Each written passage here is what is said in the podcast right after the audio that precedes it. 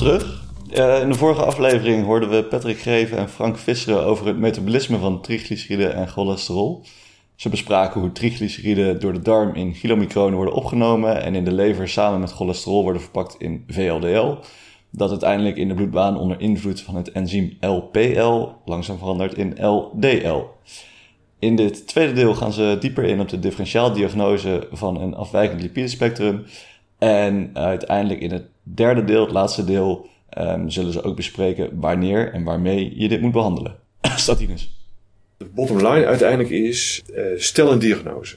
Want een hy hypercholesterolemie of hypertriglyceridemie is geen diagnose.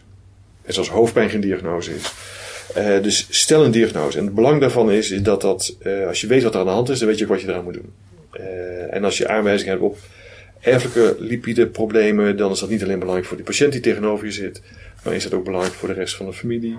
Dus de, het stellen van een diagnose is uh, super, super belangrijk. Um, ik denk dat het een, een, goed bruggetje is naar uh, wat zijn nou uh, de, patronen die in zo'n lipidespectrum moet gaan herkennen.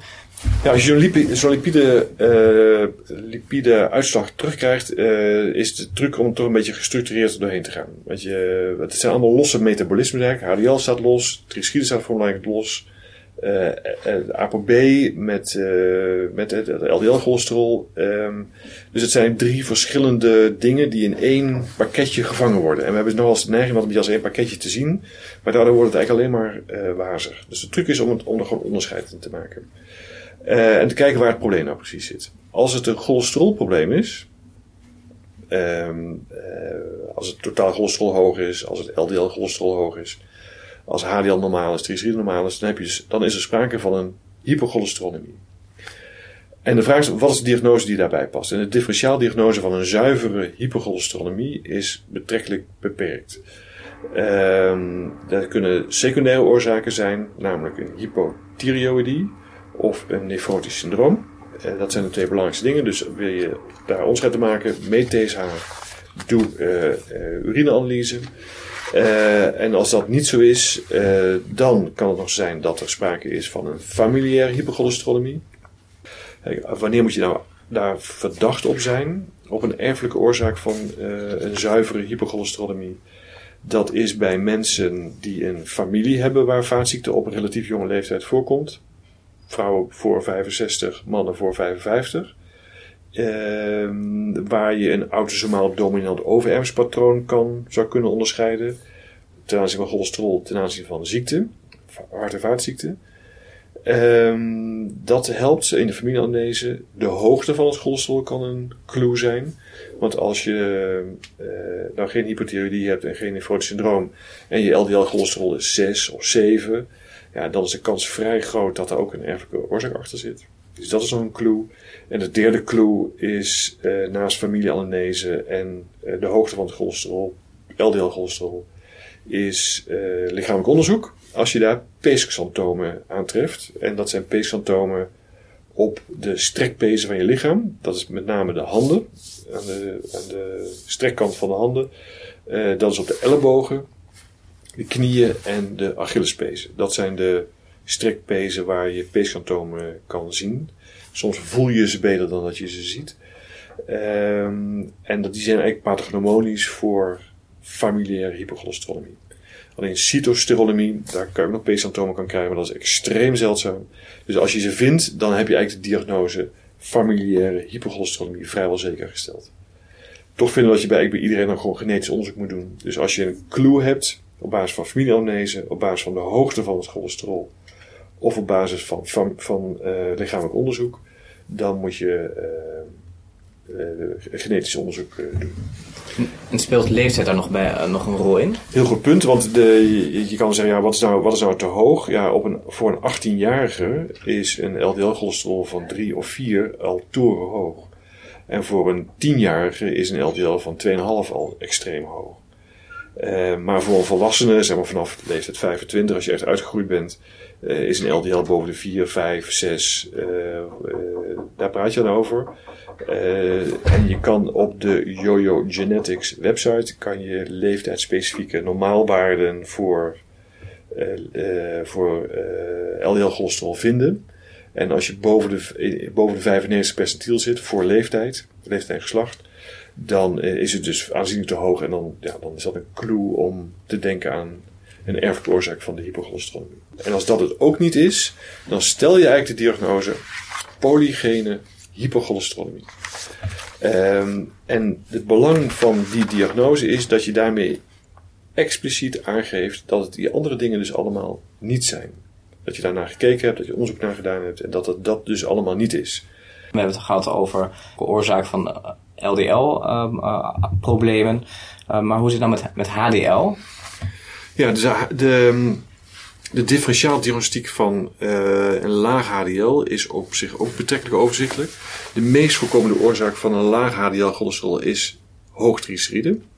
Uh, omdat uh, als triglyceriden omhoog gaan, dan gaat secundair daaraan gaat HDL zakken. Wat je typisch bij diabetes ziet, diabetes dyslipidemie.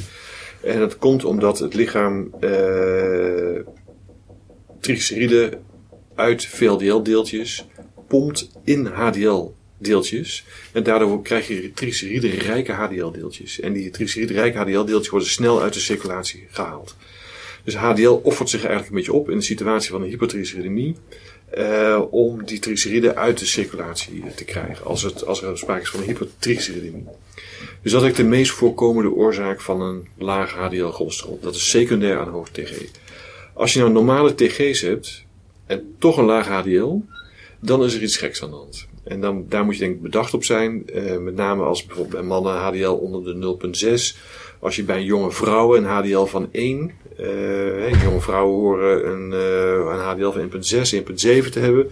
Maar als dat relatief gezien laag is, dan is er iets geks aan hand. En dan moet je bedacht zijn op een erfelijke oorzaak van een laag HDL. En dat zijn drie genen die belangrijk zijn. Dat is het ABCA1-gen. Dat is het ApoA1-gen. En dat is LCAT. Dat zijn de drie uh, belangrijke genen die betrokken zijn bij uh, het HDL-metabolisme. En als daar een mutatie in is, dan zie je dat, daar, dat het HDL flink kan zakken en daarmee het risico op hart- en enorm kan stijgen. Uh, en dat is ook maar één manier om erachter te komen, dat is eigenlijk genetisch, genetische diagnostiek.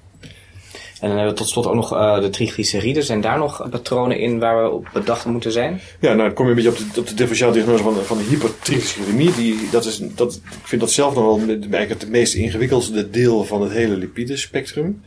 Uh, want dat is best wel uitgebreid. En, uh, dus triglyceriden vinden we eigenlijk tot 1,7 tot 2,0 vinden we normaal. Alles daarboven is eigenlijk te hoog. Uh, de meest voorkomende oorzaak van een hypertriglyceridemie is insulineresistentie. Uh, al dan niet samen met obesitas. En hoe komt dat? De, veel triglyceriden, veel vrije vetzuren zijn opgeslagen in vetweefsel. En uh, in een, als, je, als je insulinegevoelig bent, dan zijn adipocyten uh, in dat vetweefsel goed in staat om die vetzuren vast te houden. Als iemand, als je insuline resistent wordt, insuline ongevoeliger wordt, dan worden ook adipocyten insulineresistenter en dan uh, insuline zorgt, uh, zet een rem op uh, de afgifte van vrije vetzuren uit adipocyten. Als dat dus minder actief is, minder goed werkt, die rem minder goed werkt, dan gaat vetweefsel heel veel vrije vetzuren vrijlaten. Die komen eigenlijk allemaal in de portale circulatie terecht, omdat vetweefsel met name abdominaal zit. en dan komt het allemaal in de lever terecht. En de lever maakt van drie vrije vetzuren, glycerol eromheen, tegenaan, uh, en triglyceriden. En dat is een substraatgedreven proces, enorme overcapaciteit. Dus als er veel vrije vetzuur aanbod is in, uh, vanuit, de, uh, vanuit vetweefsel aan de lever, dan verpakt de lever dat helemaal tot triglyceriden en gooit dat in veel deeltjes weer in de circulatie. En dat is de, de, de reden waarom je in een insulineresistente situatie een hypertriglyceridemie krijgt. Wat dat verder speelt is dat de afbraak van triglyceriden uit uh, eh, VLDL, dus lipolyse, uh, minder goed werkt. Omdat uh, als je ook nog een hyperglycemie erbij krijgt, dat zo'n LPL-enzym een beetje versuikerd raakt. Dat plakt glucose aan vast en daardoor wordt het LPL minder actief. Dus dan ben je ook minder goed in staat om uit VLDL-deeltjes triglyceriden te zuigen. en daardoor neemt de triglycerideconcentratie toe. Dus, in, dus bij diabetes heb je een dubbel probleem. Dat is een enorme aanmaak Je hebt een, over, uh, een overproductie van VLDL door een aanbod van vrije vetzuren uit, de, uit, de, uit buikvet. Uh, en er is minder afbraak omdat het LPL minder goed uh, functioneert. Dus dat is de belangrijkste oorzaak van een hypertriglyceridemie.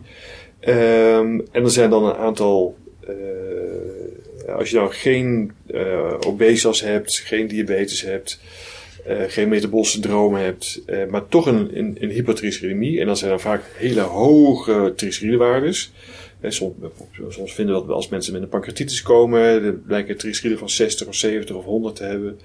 Uh, ja, dan is de kans vrij groot dat daar ook een erfelijk probleem achter zit. Uh, want je kan jezelf eigenlijk niet tot zo'n hoge waarde eten of met dieet. Dan moet je, zelfs als je hele wilde dingen doet, dan ga je dat niet voor elkaar krijgen.